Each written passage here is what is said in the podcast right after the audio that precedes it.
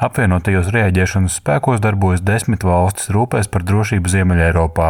Šo sadarbības formu pēc Lielbritānijas iniciatīvas izveidoja 2015. gadā. Tajā darbojas arī Dānija, Zviedrija, Norvēģija, Somija, Latvija, Lietuva, Igaunija, kā arī Nīderlanda un Islande. Valstu grupas izveidas laikā aizsardzības ministrs bija tagadējais Saimnes aizsardzības komisijas vadītājs Raimons Bergmans no apvienotā saraksta.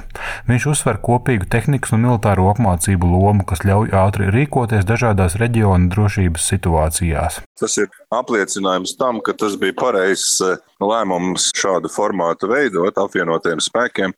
Un viens no galvenajiem mērķiem arī bija iespēja pieņemt ātru lēmumu un reaģēt. Un es domāju, arī tas viss apmācības process un gatavošanās ir devis to rezultātu, ka var droši vien pieņemt tik ātru lēmumu un arī var eh, iesaistīties. Ļoti labs eh, paraugs, kā rīkoties un, un, un mazināt riskus un pretstāvēt dažādiem izaicinājumiem.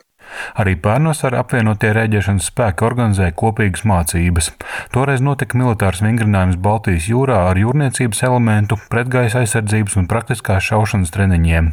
Taču šoreiz ir pirmā reize, kad apvienotie rēģēšanas spēki kuģu patruļus organizēja izmantojot atbildes variantu vai no angļu valodas response option pēc kāda konkrēta notikuma. Šo soli lika spērt Somijas un Igaunijas gāzes vada Baltika konektora sabojāšana oktobra sākumā.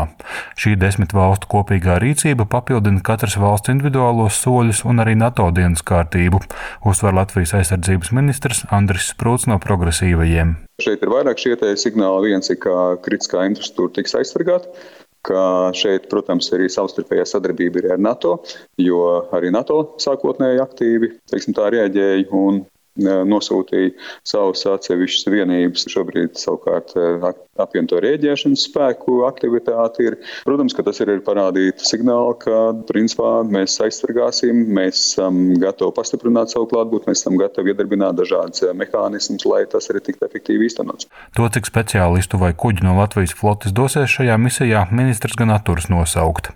Taču zināms, ka Baltijas jūrā un Atlantijas okeāna ziemeļos dosies kopumā ap 20 kara kuģu. Jānis Kincis, Latvijas Radio.